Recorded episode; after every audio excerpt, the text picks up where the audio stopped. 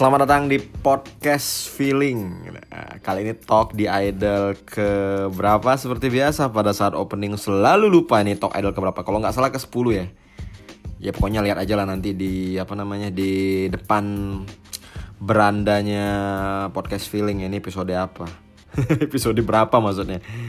Kali ini kita akan ngebahas seorang idola juga ya namanya juga Talk di Idol. Talk di Idol ke-10 benar. Kemarin yang ke-9 tuh Lady Inpang dan kali ini uh, Talk di Idol ke-10 kali ini ngebahas seorang dari dunia olahraga ya. Kayaknya dari seluruh Talk di Idol tuh dunia olahraga tuh belum kesentuh. Komedi, musik, komedi, musik, politik kemarin ada Gus Dur dan kayaknya yang olahraga baru yang pertama ini. Dan all idola dunia olahraga yang akan dibahas adalah udah bisa dilihat di cover siapa seorang pelatih sekarang dengan jati diri yang kuat dan karakter yang kuat ada Jurgen Norbert Klopp. Wah, ini adalah pelatih Liverpool yang sekarang.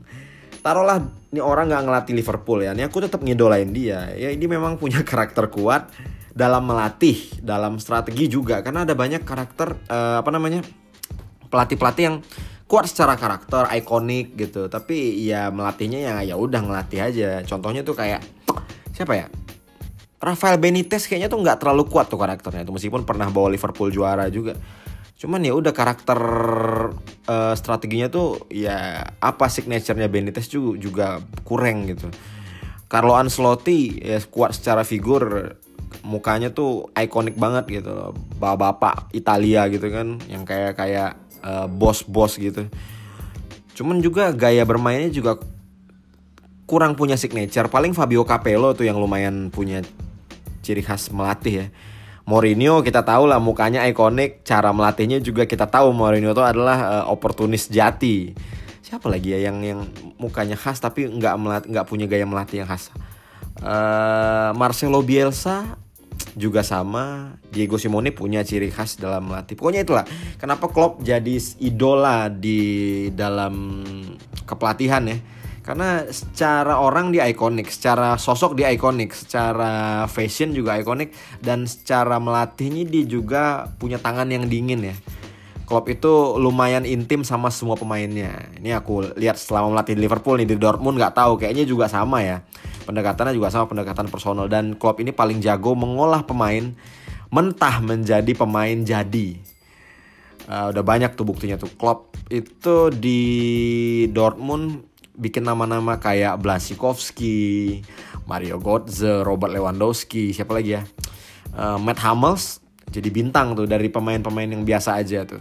Dan Liverpool dia berhasil menyulap Trent Alexander-Arnold, Wijnaldum, Robertson. Kalau yang tiga di depan itu emang udah bintang ya si Mane, Firmino, Salah emang udah tinggal nunggu waktu aja buat melejit. Tapi kalau Robertson, Arnold, Wijnaldum itu kan uh, berasal dari kelas yang biasa-biasa aja sebelum sekarang akhirnya masuk ke top class. Ya gara-gara Klopp bisa menempatkan mereka di posisi yang benar gitu dan cocok sama mereka kebetulan. Ya.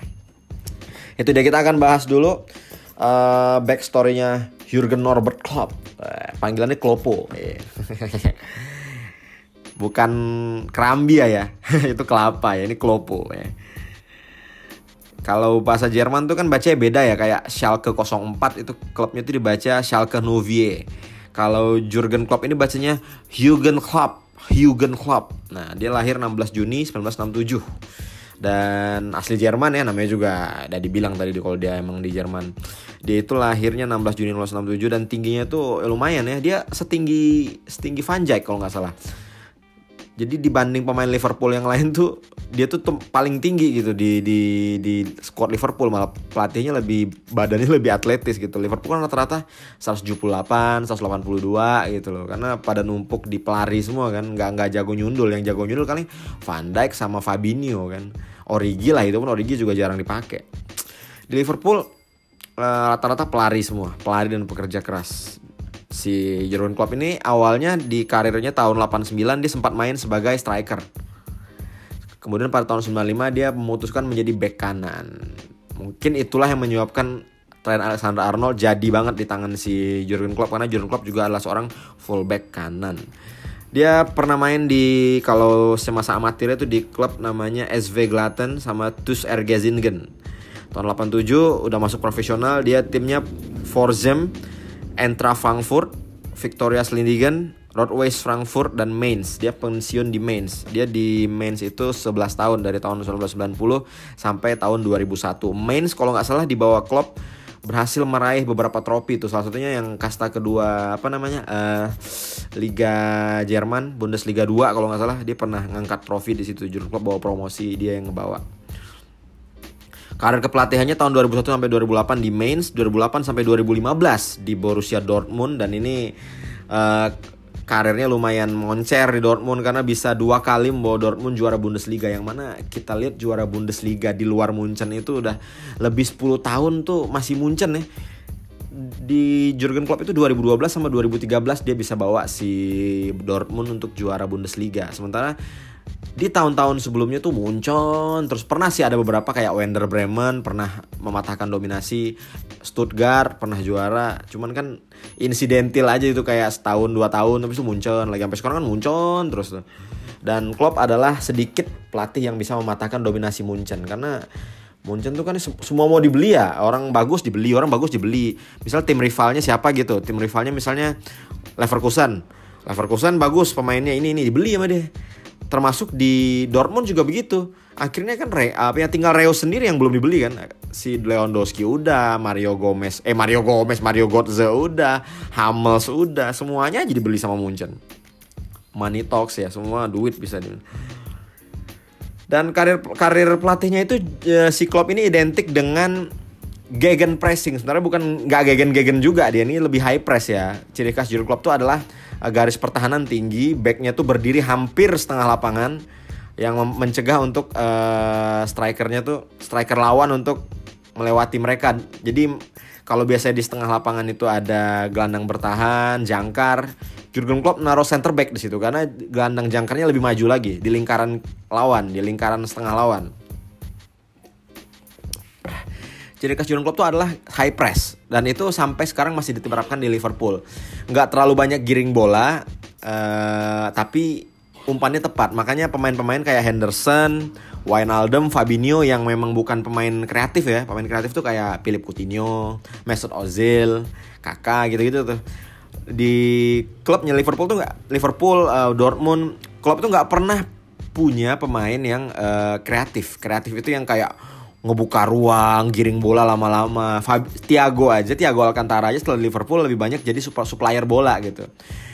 Karena uh, Klopp lebih menyukai pemain bertipe fighter, pemain bertipe petarung ya, ngerebut bola. Jadi pemain tengah Klopp itu ciri khasnya adalah tiga orang. Kalau di Liverpool tiga orang ya dari awal dia selalu taruh tiga pemain tengah, satu jangkar Fabinho, tengahnya nih yang yang dua gelandang tengah ini bisa siapa aja. Kadang Milner sama Henderson kadang Henderson sama Wijnaldum. Sekarang ada Curtis Jones ada Harvey Elliott ada Thiago juga.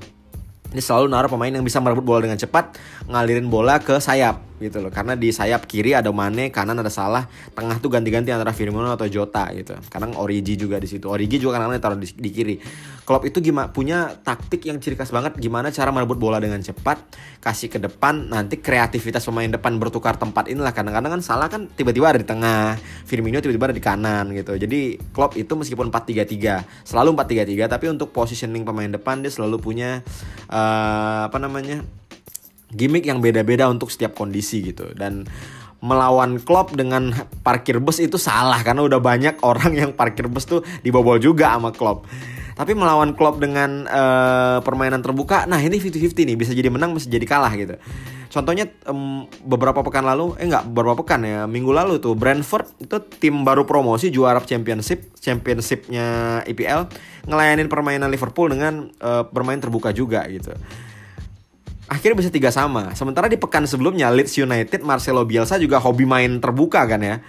Face to face gitu loh dan kalah 3-0 sama Liverpool. Jadi kalau mau ngalahin Klopp, kalau kita main main main apa namanya? main parkir bus pasti kebuka sama Klopp. Tapi kalau kita mainnya uh, main terbuka bisa jadi menang besar, bisa jadi imbang, bisa jadi kalah ba kalah besar gitu, kalah banget. Udah banyak orang-orang yang mencoba bermain terbuka dengan Klopp, hancur dibikin nama Klopp, tapi yang bermain uh, tapi bisa juga menang gitu, bisa juga menang tipis gitu loh.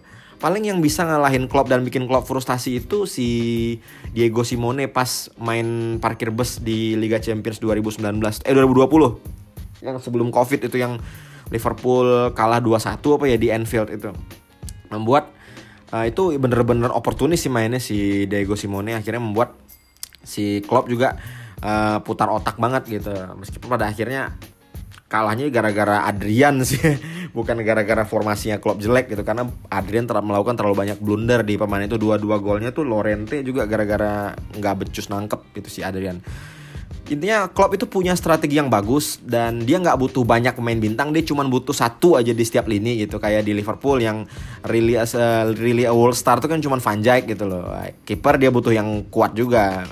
Alisson tuh kan lumayan kuat ya meskipun bukan bintang-bintang kayak Neuer banget dia cuma butuh satu aja di uh, lini belakang dia butuhnya Van Dijk, di tengah dia butuhnya Henderson atau Fabinho, di tengah di depan dia cuma butuh Salah aja yang bermain stabil. Mane buang-buang peluang itu oke okay. dia nggak pernah uh, mengganti Mane karena Mane sering buang-buang peluang uh, setahun terakhir ya nggak terlalu begitu. Firmino pun sering kalah duel ya it's okay dia cuma butuh satu orang kunciannya istilahnya di lini depan. Salah tuh kan Eh, nggak uh, terlalu banyak buang peluang ya. Dan dia juga ngotot banget mainnya. Itulah yang membedakan Klopp dengan pelatih lain. Dan Klopp ini tipikal pelatih yang ekspresif gitu loh. Kalau nyetak gol dia selebrasinya tuh wah seperti fans lagi nonton gitu loh. Jadi emang dia merasa memiliki klub yang dilatih gitu. Itu membuat dia jadi gampang dicintai oleh fans gitu. Fansnya Dortmund juga ketika Dortmund uh, Klopp pergi dari Dortmund bikin apa namanya bikin tulisan gede banget tuh satu sepanjang tribun tulisnya dan ke Jurgen itu masih bisa dicari di Google tuh dan ke Jurgen aku pas pertama kali lihat uh, dan ke Jurgen itu merinding gitu loh. Segininya penghargaan seorang eh se sebuah uh, fans ke sebuah fans club ke pelatihnya. Dan Stadion Dortmund itu gede banget ya beda sama stadion Liverpool ya. Liverpool tuh cuma 50 ribu di Dortmund itu hampir 70 ribu gitu.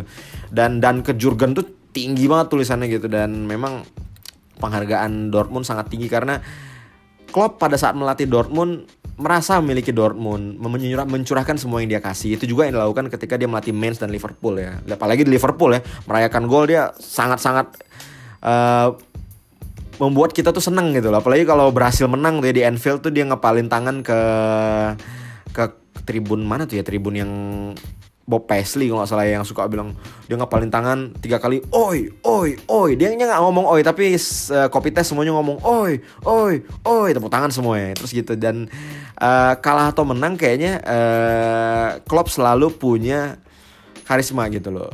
Ya Klopp juga pernah kalah tapi minor banget dia kalah ya rasio kekalahannya kalau nggak salah sama Liverpool setelah dari tahun 2016 melatih eh 2016 ya 2016 melatih itu cuman sekitar 11% gitu. Kecil banget kan maksudnya uh, imbangnya sekitar 20% 70% itu adalah kemenangan gitu. Ini ya kalau kita ngelatih satu musim wajar ya 80% kemenangan tuh wajar. Tapi kalau untuk yang udah ngelatih 5 musim kayak Klopp rasio kekalahannya cuma 11% gitu loh. Itu sulit lah kayaknya dicapai dengan Liverpool yang sangat pelit pembelian gitu. Setelah Klopp yang dibeli cuman uh, Wijnaldum, uh, Salah, Alisson Van Dijk. Udah, itu cuman yang dibeli. Kalau Thiago kan ini ya, apa namanya? Uh, ya Thiago juga sih, cuman kan beda kasusnya gitu loh. Itu pun dia ngebeli Alisson sama Van Dijk gara-gara ngejual Coutinho. Kalau nggak beli-beli juga. Maksudnya Klopp uh, tipikal pelatih yang bisa memaksimalkan potensi pemain yang ada gitu nggak terlalu banyak belanja nggak kayak MU ya MU tuh udah dari sekitar dari Moyes setelah itu pembeliannya udah gila-gila semua orang incar Juan Mata, dia dapat Juan Mata. Semua orang incar Falcao, dia yang dapat Falcao. Semua orang incar Angel di Maria, dia dapat di Maria. Semua orang uh, pengen tanda tangan Zlatan Ibrahimovic dia yang dapat. Semua orang pengen Paul Pogba Pogba. Semua orang pengen uh, City pengen Ronaldo dia yang dapat Ronaldo. Kayaknya MU tuh udah bisa beli semua lah yang dia pengen. Cuman ya masih begitu-gitu aja. Cuman kayaknya masalah di pelatih. Uh, pelatih itu ada yang tipe pelatih yang emang harus punya pemain bintang di all ini dan starting eleven harus bintang semua baru bisa juara. Tapi Klopp kayaknya meskipun juara nggak juara, dia kan tetap bisa menjaga Liverpool di tiga besar dengan skuad pemain yang itu-itu saja gitu loh. Dan sekarang Curtis Jones uh, menunjukkan uh, perkembangan yang luar biasa dua tiga minggu ini juga gara-gara Klopp gitu. Karena dia berhasil menyulap Curtis Jones ini sebenarnya punya pema punya gaya bermainnya agak-agak flamboyan ya, agak-agak kayak Coutinho juga. Cuman berhasil disulap punya pemain punya punya daya bertahan yang lumayan baik gitu loh. Jadi uh, dia agak seperti Henderson juga. Dan Henderson kalau teman-teman lihat ya, ketika dia pindah dari Sunderland dulu, dia tuh lumayan flamboyan, lumayan sering nyetak gol. Dan kayak kayak Coutinho juga, dia punya tendangan darat jarak jauh yang gila dan ikut-ikut nyerang. Kalau sekarang kan uh, Henderson tuh tipe orang yang dapat bola cuma dua tiga langkah dia langsung oper dia nggak terlalu banyak giring dan selalu dapat uh, menemui tujuan yang bagus gitu jadi selalu menemui umpan yang tepat gitu dan rata-rata pass Henderson itu 79% menemui sasaran yang benar gitu. Jadi emang passer aja dia. Dan rata-rata kalaupun Henderson berhasil mencetak gol itu gol jarak jauh semua. Kayak pas lawan Chelsea kayak pas lawan uh, Milan yang terakhir minggu lalu. Ya emang uh, Henderson itu emang kalau lagi buntu emang dia nendang pada akhirnya. Sama dengan Fabinho ya. Fabinho kan tendangan jarak jauhnya lumayan oke okay tuh. Dan Henderson Fabinho tuh jangkar. Emang Henderson rela kelihatan tidak banyak megang bola gitu loh. Karena tugas dia adalah menjegal matahin serangan lawan dan oper ke depan gitu. Makanya orang bilang ih Henderson kok kapten ya? Gaya mainnya biasa aja. Kalau teman-teman nonton LFC TV dan apa teman-teman bakal tahu tuh kalau Henderson itu di, di Liverpool sendiri waktu latihan masih di Melwood ya dia itu adalah penembak jitu gitu lebih jitu daripada Suarez dan Sterling malah. Suarez sama Sterling paling sering kalah sama dia kalau bagian nembak tiang gawang uh, crossbar hit challenge tuh paling sering kalah. Dan paling sering tepat tuh si Henderson itu dan memang dia akhirnya rela membuat dirinya tidak penting demi skemanya berjalan. Itu butuh kebesaran dan uh, kebesaran jiwa dan itu ya kerendahan hati lah. Akhirnya Henderson akhirnya menjadi kapten di Liverpool. Padahal awal-awal sempat kegusur lah dia sama Keita ketika Liverpool baru beli Nabi Keita. Jadi tengah tuh Keita, uh, Fabinho sama Wijnaldum. Jadi emang kuat-kuat semua. Henderson sempat kegusur 2-3 pertandingan. Pada akhirnya Henderson berhasil membuktikan diri. Kalau pemain Inggris juga ada yang bisa setekun dia. Karena kan kalau kita lihat pemain Inggris ya agak-agak behave, agak-agak agak-agak flamboyan, agak-agak uh, temponya naik turun ya. Banyak tuh pemain-pemain uh, Inggris yang diproyeksikan bersinar tapi kurang bisa mengatur mood dan stabilitas bermain akhirnya kacau kayak Son Rek Phillips tuh zaman dulu tuh uh, Aaron Lennon, Theo Walcott ya pada akhirnya buyar ya. Yang lumayan stabil Sterling lah lumayan stabil tuh Sterling, Henderson lumayan stabil. Arnold aja sekarang sekarang udah nggak stabil lagi tuh mainnya. Nyerangnya oke, bertahannya hmm Makanya ketika Milner kemarin diturun pas lawan Porto tuh lumayan bagus gitu ya. Jadi intinya uh, Klopp adalah pelatih yang bisa menyulap keadaan uh, dengan baik ya. Jadi dia tidak terlalu apa namanya uh, haus pemain bintang meskipun harus diakui dia butuh juga ya pemain bintang pastilah ya nggak mungkin dia mengandalkan youngster youngster terus tapi dia terbukti berhasil menyulap youngster youngster Liverpool menjadi pemain yang jadi gitu Robertson sekarang jadi kapten di Skotlandia dan jadi fullback kiri terbaik di dunia tuh Arnold gak usah ditanya lah ya dan Harvey Elliott yang tahun lalu tuh mainnya masih katro ya Harvey Elliott ya. Cuman musim ini tuh kalau nggak ada cedera tuh pas lawan Leeds tuh gigi lah banget jadi jenderal di lapangan deh.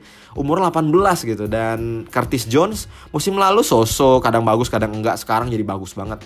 Klopp tahu cara memaksimalkan potensi anak-anak muda dan kayaknya Klopp juga tahu cara ngomong per, ya apa uh, face to face dengan para pemainnya. Terbukti dengan Milner. Milner tuh dulu sempat bilang dia nggak mau main di back kanan. Dia maunya mainnya di back kiri kalaupun dia harus mundur. Sekarang bisa main di back kanan juga. Dan Klopp bisa membuktikan kalau Milner masih bagus banget gitu loh. Dan Milner juga nggak salah dia pernah menang PFA Young Player. Emang pemain ini bagus cuman gagal bersinar aja gara-gara kelamaan di Man City dan di plot box to box. Sementara Man City kan pemainnya box to box banyak ya yang gandang box to box. Waktu dulu masih ada Yaya Toure, masih ada siapa lagi banyak lah pokoknya ada Gareth Barry zaman-zaman si Milner tuh. Jadi Milner tuh kelihatan tenggelam gitu. Belum lagi uh, Milner tuh pernah fatal gara-gara di nutmeg sama Messi dan diingat itu sama orang-orang satu kesalahan dia itu. Padahal aslinya Milner tuh bisa dapat Ballon d'Or mungkin kalau dia stabil gaya bermainnya. Cuman sering salah posisi dan di klub kayaknya Milner ditangani dengan benar usia 35 tahun mainnya masih kayak umur 26. Gokil. Kita akan sekarang bacain fakta fakta-fakta unik dari Jurgen Klopp. Yang pertama adalah uh, Jurgen Klopp itu dia bermain di Mainz bermain 337 kali dan menyumbangkan 52 gol. Lumayan bagus cetak uh, prestasinya untuk seorang uh, bek kanan ya. Padahal dia tuh kalau bek berapa sih nyetak gol ya? 10 tahun back taruh lah back biasanya nyetak 2 sampai 3 gol satu musim ya. Kali 10 tuh 30 gol lah 10 10 tahun. Ini si Klopp 52 gol loh sebagai back selama 10 tahun. Gokil gak tuh? Terus uh, Klopp juga masuk sebagai salah satu perbaik salah satu pelatih yang masuk di Hall of Fame-nya Borussia Dortmund. Dia dari 2008 sampai 2015 main di Dortmund dengan skuad yang apa adanya mempersembahkan dua gelar Bundesliga, dua trofi Super Cup Jerman dan satu gelar Piala Jerman. Dan jangan lupa dia juga berhasil mengantarkan Dortmund masuk ke final Liga Champion 2000, 2012 ya.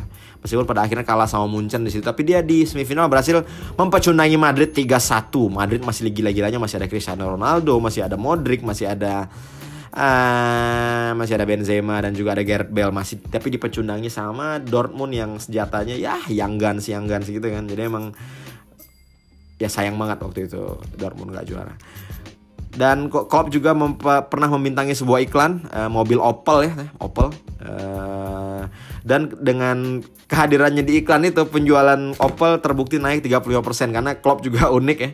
Dan agak humoris juga dia bisa main gitar juga dengar-dengar dan kalau diwawancara selalu ngeluarin statement yang lucu-lucu gitu kayak uh, dia pernah bilang ketika Liverpool juara Champions yang 2019 dia kan nyanyi tuh Let's talk about six baby. Let's talk about you and me. Itu adalah plesetan lagu disco zaman dulu tuh yang Let's talk about sex sebenarnya. Let's talk about sex baby. Di plesetan namanya Let's talk about six baby. Gitu. Akhirnya uh, ada anaknya di Liverpool ikut nyanyi semua. Lucu tuh orang tuh. Hubungan Klopp dengan para fans sangat dekat. Ketika Dortmund ia sering mengajak para pemainnya merayakan Natal bersama para fans. Kan ini Dort si si Klopp ini emang pribadi yang unik banget gitu loh. Emang kalau diajak berteman pasti enak nih. Orang tua tapi jiwanya muda dan tahu cara bercanda dan emang orangnya seru gitu dan dekat sama fans lagi. Dia ngajak fans ngerayain Natal bareng dengan semua pemain. Rambut Klopp sekarang adalah hasil transplantasi. Ia mengikuti mengikuti jejak Wayne Rooney. Jadi aslinya dia ini udah botak orangnya, cuman karena kelihatan lebat, ya ini dia transplantasi rambut. Dan Klopp juga tidak bermain sosial media apa pun, baik Instagram ataupun Facebook, karena katanya biar nggak ke distract aja, biar fokus. Ya, respect Klopp.